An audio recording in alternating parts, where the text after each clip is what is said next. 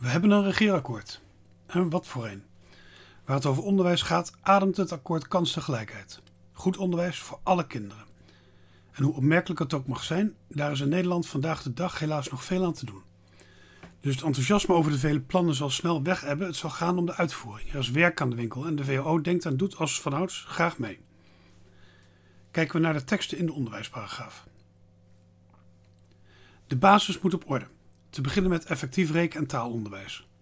Nederland presteert op dit vlak al vele jaren slechter dan de meeste landen in de OESO en eigenlijk weet niemand precies hoe dit komt. Ontlezing, al dan niet de overmatig social en ander mediagebruik, komt in alle ontwikkelde landen voor en is wel een probleem, maar daarmee geen verklaring voor onze relatieve verslechtering.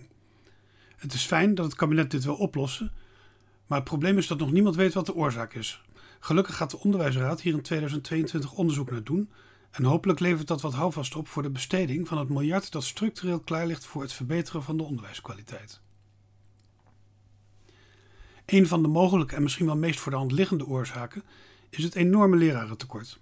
Dat is een bekend probleem dat je eigenlijk ook wel ruim van tevoren kunt zien aankomen.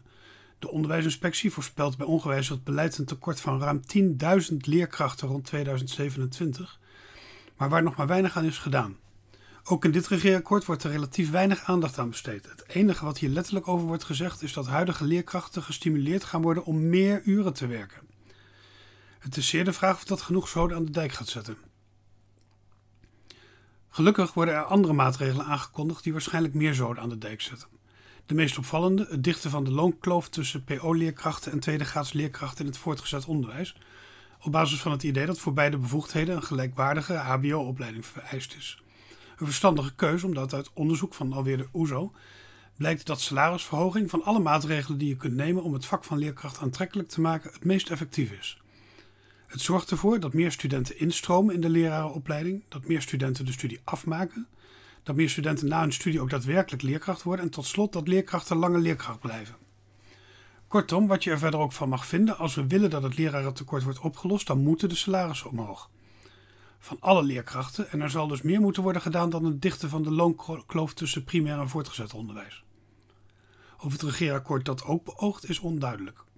Wel wordt aangegeven dat de salarissen van leerkrachten en schoolleiders op scholen met veel leerachterstanden omhoog moeten.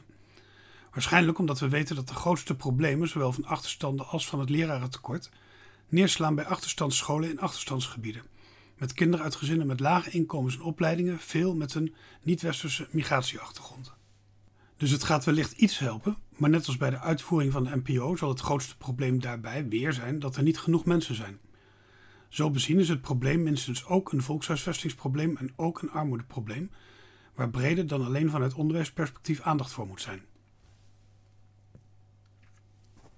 Het is dan ook goed te zien dat in het regeerakkoord en niet alleen in de onderwijsparagraaf relatief veel aandacht wordt gegeven aan armoede. Ontstaan, voorkomen en oplossen. En dat is goed, want kinderen die in armoede opgroeien presteren op school niet optimaal. Dus als je kansengelijkheid serieus neemt, moet je daar iets aan doen. En gelukkig gaat het nieuwe kabinet dat doen.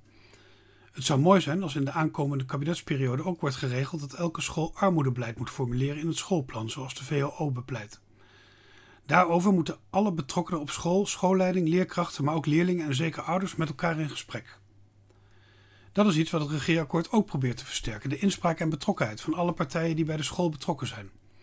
Zeker de oude betrokkenheid kan wel wat versterking gebruiken. De afgelopen twee jaar is die er niet op vooruit gegaan. Corona heeft er bij veel scholen voor gezorgd dat ouders actief buiten de deur worden gehouden.